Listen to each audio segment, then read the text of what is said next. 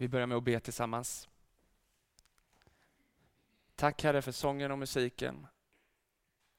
Tack för att vi får komma till dig idag.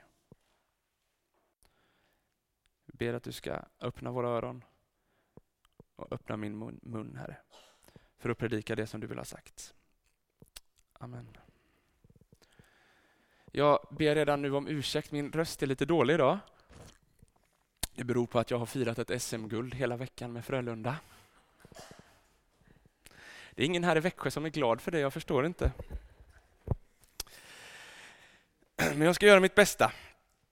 Dagens tema är bönen och vi är framme vid bönesöndagen i kyrkåret som Börje har sagt. Och jag ska börja med att läsa evangelietexten från Lukas evangeliet kapitel 11, verserna 1-13. Och vill du följa med så finns det i psalmboken på sidan 1576. 1576 om man vill följa med i det jag läser. Vi kan resa oss upp. Då står det så här. En gång hade Jesus stannat på ett ställe för att be. När han slutade sade en av hans lärjungar till honom Herre, lär oss att be, liksom Johannes lärde sina lärjungar. Då sade han till dem, när ni ber ska ni säga Fader, låt ditt namn bli helgat. Låt ditt rike komma. Ge oss var dag vårt bröd för dagen som kommer och förlåt oss våra synder. Ty också vi förlåter var och en som står i skuld till oss och utsätt oss inte för prövning. Och han sa till dem, Tänk er att någon av er går till en vän mitt i natten och säger, käre vän, låna mig tre bröd. En god vän som är på resa har kommit hem till mig och jag har ingenting att bjuda på.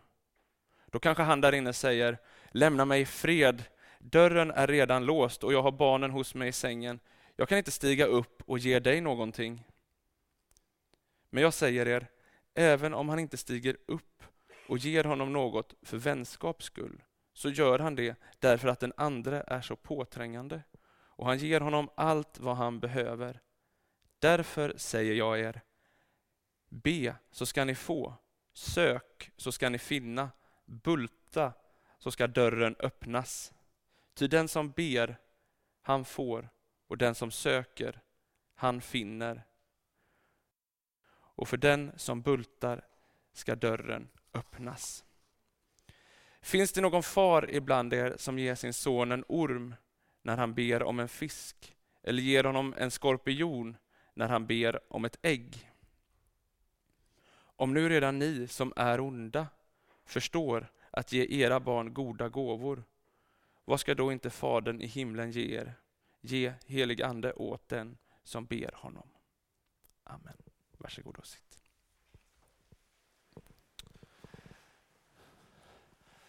För eh, någon vecka sedan så pratade jag med en kollega i telefon som jobbar som pastor. Och den här kollegan hade precis varit med scouterna och var tvungen att berätta vad som hade hänt. När eh, de skulle ha avslutning på scoutgången utomhus så skulle en av ledarna läsa en berättelse om bönen. Och under andakten så bröt en diskussion ut angående bönen. En av scouterna räcker upp handen, får ordet och säger, alltså jag har så svårt att tro på Gud. Alltså när jag ber, han svarar aldrig, det är alldeles tyst. Jag har svårt att tro. Då räcker en annan scout upp handen och har en fundering och säger så här, men har du någon gång testat att be snällt? Jag tycker det ligger lite i det. Har du någon gång testat att be snällt? Barnens direkta och ärliga uttryck som de här två ord, eller de här två barnen ger uttryck för kan lära oss vuxna mycket tror jag. Den tystnad som den ena scouten ger uttryck för att jag hör inte Gud. Jag har svårt att tro på honom. Det är nog något som många kan känna igen sig i. Såväl en sexårig scout som en äldre människa. Jag tror att alla har upplevt det. Känslan när Gud är tyst, att han inte svarar. Den tror jag alla kristna har upplevt. Man ber liksom, men det händer ingenting. Man får inget svar, det är bara tyst och till slut undrar man om Gud finns, liksom scouten gjorde. För han svarar ju inte på mina böner.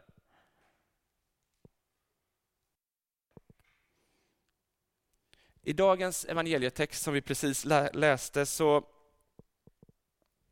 ger lärjungarna uttryck för det här med bön och det svåra med bön. Att det inte alltid är enkelt. För hade det varit enkelt att be, då hade de nog inte frågat Jesus, hur skall vi be? Hade man vetat exakt hur man skulle göra, ja men då hade de inte behövt fråga. De såg hur Jesus gjorde men de behövde fråga. Och Samtalet bryter ut när Jesus stannar upp ett tag, som han så ofta gör, för att be och för att samtala med Fadern. Och lärjungarna känner en längtan efter att lära sig att be som honom.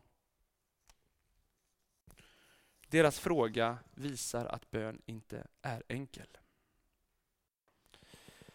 Idag så lever vi i en tid där det är väldigt trendigt att träna.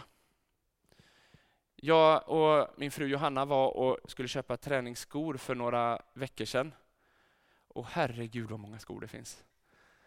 Och det var med gel i hälen så att man inte skulle stöta i hälen så mycket och det var med någon speciell böjning där fram och det var något speciellt, eh, något speciellt ja, sula som gjorde att man inte stötte i. Och det, liksom, det gick inte att välja bland allting. Så jag tog några som såg bra ut helt enkelt. Det räckte för mig. Ehm, det var liksom en hel vägg full med träningsskor. Och i tv och tidningar så är det många reportage om hur mycket och hur vi ska träna när startplatserna släpps till Vasaloppet eller till Göteborgsvarvet så tar de slut på bara några minuter. Då är det fullbokat. Och jag har sett, eh, jag får dåligt samvete när jag bläddrar igenom min Facebook-sida för då är det människor som lägger ut hur långt de har sprungit Eh, så att man kan se det. Då står det så här, yes nu klarar jag att springa två mil eller vad det var. Och så sitter man där själv hemma i soffan och kollar på TV. Um, ehm, vi helt enkelt lägger ut det på sociala medier hur mycket vi tränar. Och Många av oss tränar för att få en bättre hälsa. För att våra kroppar ska må bättre. Andra tränar för att bli lite bättre på det som man gör. För att kunna springa lite snabbare. Jag tränar fotboll i ett fotbollslag och jag tränar för att kunna skjuta lite hårdare, dribbla lite bättre, passa lite snabbare till människor. Eller till mina medspelare. Försöker jag i alla fall passa.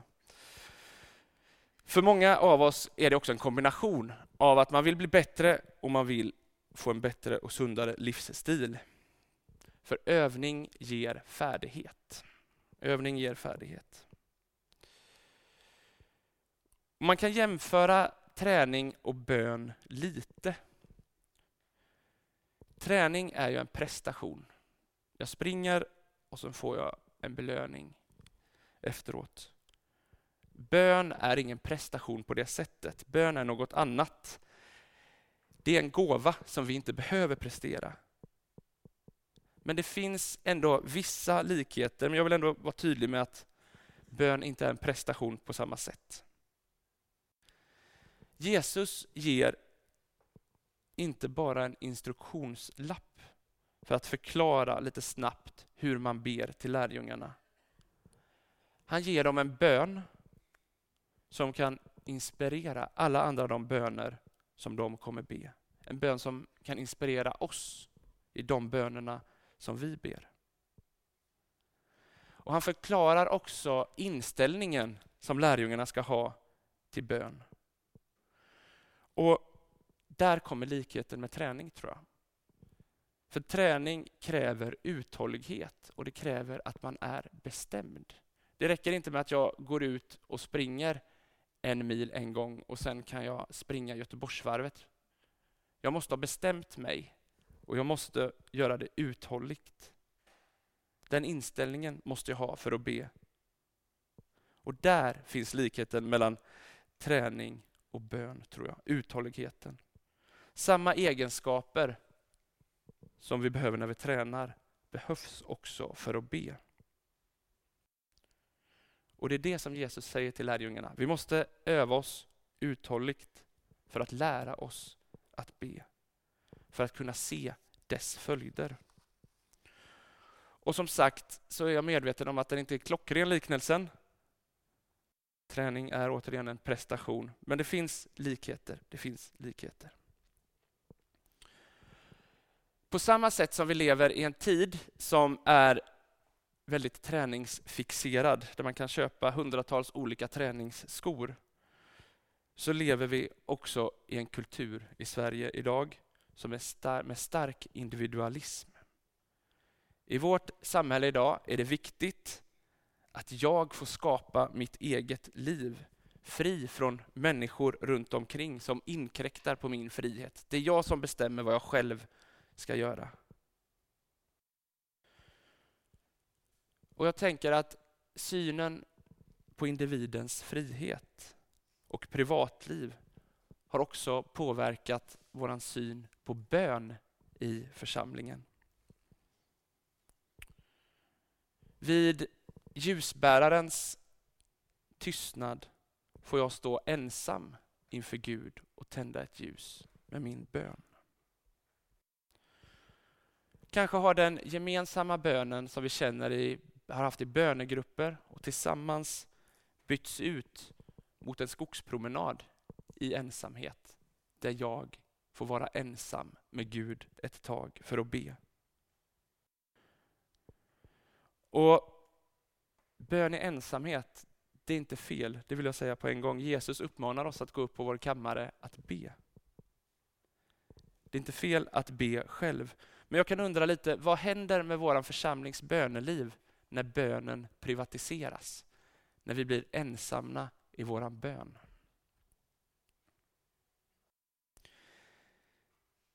Ibland bultar vi på dörren. Och liksom scouten gav uttryck i början av min predikan för att man inte känner Guds svar, att Gud inte svarar när vi bultar. Vi bultar och bultar men Gud hör ingen, det är ingen där inne som hör. När vi privatiserar våran bön, då står vi ensamma och bultar på dörren. Och Gud blir tyst. Vi blir ensamma inför Gud och vi blir ensamma i tystnaden. Det är bara jag och tystnaden.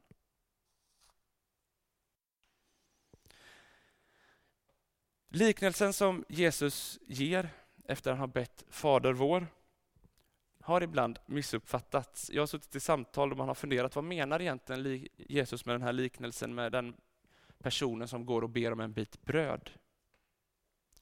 Vid första ögonkastet kan det se ut som att det är en liknelse av vem Gud är. Att Gud är den som ligger där inne och sover och inte vill öppna dörren. Men det är inte det som Jesu liknelse går ut på, utan det är mannen som står utanför och bultar. Att det är en bild av hur vi ska vara. Det är ingen bild av hur Gud är, utan en bild av hur vi ska vara. Men när jag satte mig in lite i texten så upptäckte jag en annan aspekt av den här bilden som Jesus ger. Som är intressant tror jag för hur vi kan be i församlingen, hur vi kan be tillsammans.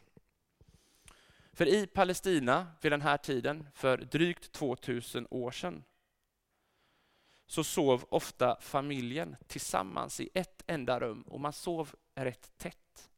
Man hade inte varsitt rum som vi har idag, eller kanske två som delar på ett rum. Utan man sov i ett rum och man sov ganska tätt. Och oftast i det här patriarkala samhället så låg husfadern i mitten i rummet och hade familjen runt omkring sig. Och inte så som vi tänker familj idag kanske, utan den var mycket större. Då låg kanske, om man hade tjänare eller slavar runt omkring också, så alla låg och sov i samma rum med husfadern i mitten. Och om då grannen knackade på och väckte husfadern och ber om en bit bröd, då är det inte bara han som vaknar.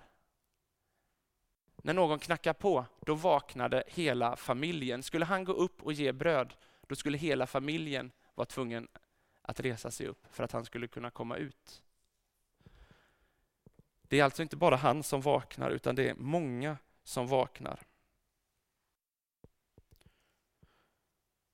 Och Jag tror att det är en bild som vi kan använda när vi pratar om bön. När någon bultar, när någon bultar och inte dörren öppnas, då får vi alla vakna.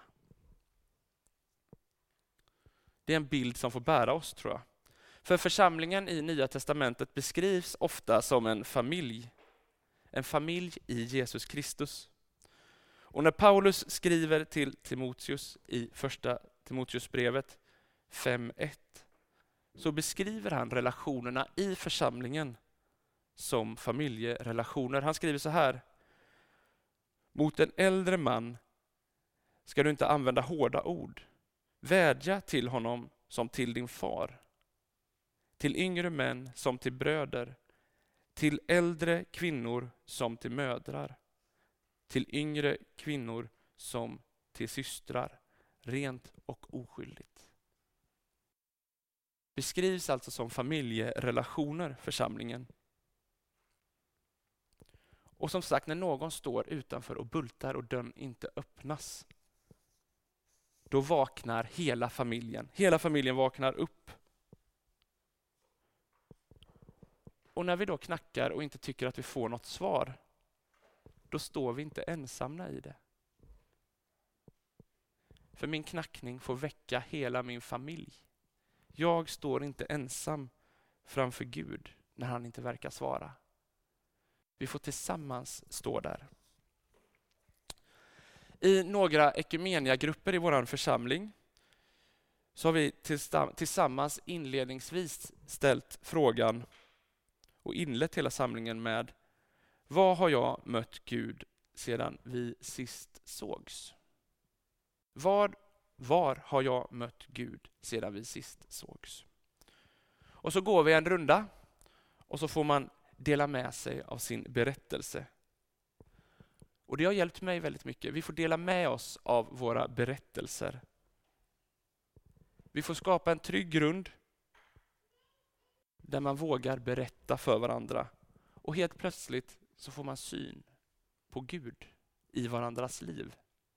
Man ser att han är verksam så om jag någon gång kommer till samlingen och säger nej, jag har inte sett Gud den här gången. Då får jag höra andra människor som har fått upptäcka honom på olika ställen och olika situationer i livet. Och då blir bönen inte längre privat eller i enskildhet. Utan då blir den tillsammans, då står man tillsammans och bultar.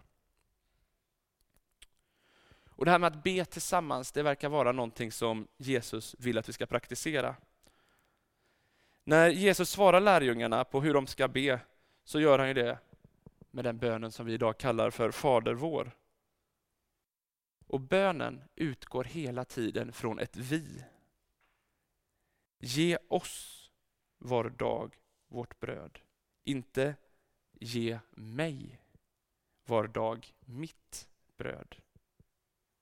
Och kanske tydligast är det här i vers 4. När Jesus säger, och förlåt oss våra synder. Ty också vi förlåter var och en som står i skuld till oss. Och utsätt oss inte för prövning. När Jesus lär sina lärjungar att be, så lär han inte ut förlåt mig för mina synder. För bönen handlar inte bara om mig, den handlar om oss. Vi får be tillsammans som en församling. Vi står inte ensamma. Det är inte så Jesus lär oss att be. Han lär oss att be tillsammans. Vi får be som en hel familj. Med och för varandra. Men Jesus, när han förklarar vad bön är, så skickar han inte bara ut bönen i tomma intet. Jesus ger också en riktning för våran bön, för lärjungarna. Vart de ska rikta sin bön. Och bönen riktas inte rakt ut i tomma intet. Jesus visar att vi ska rikta våran bön mot Fadern. Och här använder han ett speciellt arameiskt ord som ni säkert känner till som heter, eller som var Abba, vilket betyder min pappa. Abba betyder min pappa. Jesus visar att han har en speciell relation med Gud. En relation som vi får dela genom att vara Jesu kropp. Och som vi får ta del av. Vi får också säga Abba, Fader, till Gud och rikta våra böner mot honom. Bönen riktas alltså inte till något eller bara någon.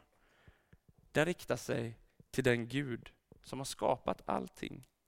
Han som har skapat dig, som har skapat mig. Mot den guden får vi vända oss i våra böner. Och vi ska inte rikta den mot något eller någon annan. Den riktas mot pappa, mot Fadern. För Gud älskar sina barn. I hans familj så får vi ha en speciell relation till honom, vår fader. Vi tillsammans i församlingen får vara en del av familjen. En familj som får stå tillsammans i bönen.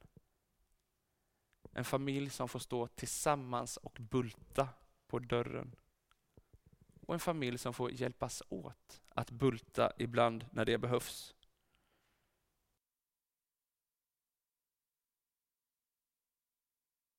För vi är alla Guds älskade barn och till honom får vi rikta våra böner. Och vi ber tillsammans. Jesus Kristus, tack att du är här och tack att vi får möta dig tillsammans. Herre, hjälp oss när tystnaden kommer. Hjälp oss att våga öppna oss för varandra och för dig. Att få dela med oss av våra böner och vår börda, Gud, till varandra så att vi får bulta tillsammans. Hjälp oss att tänka mer av vårt än mitt. Vi ber så i ditt heliga namn. Amen.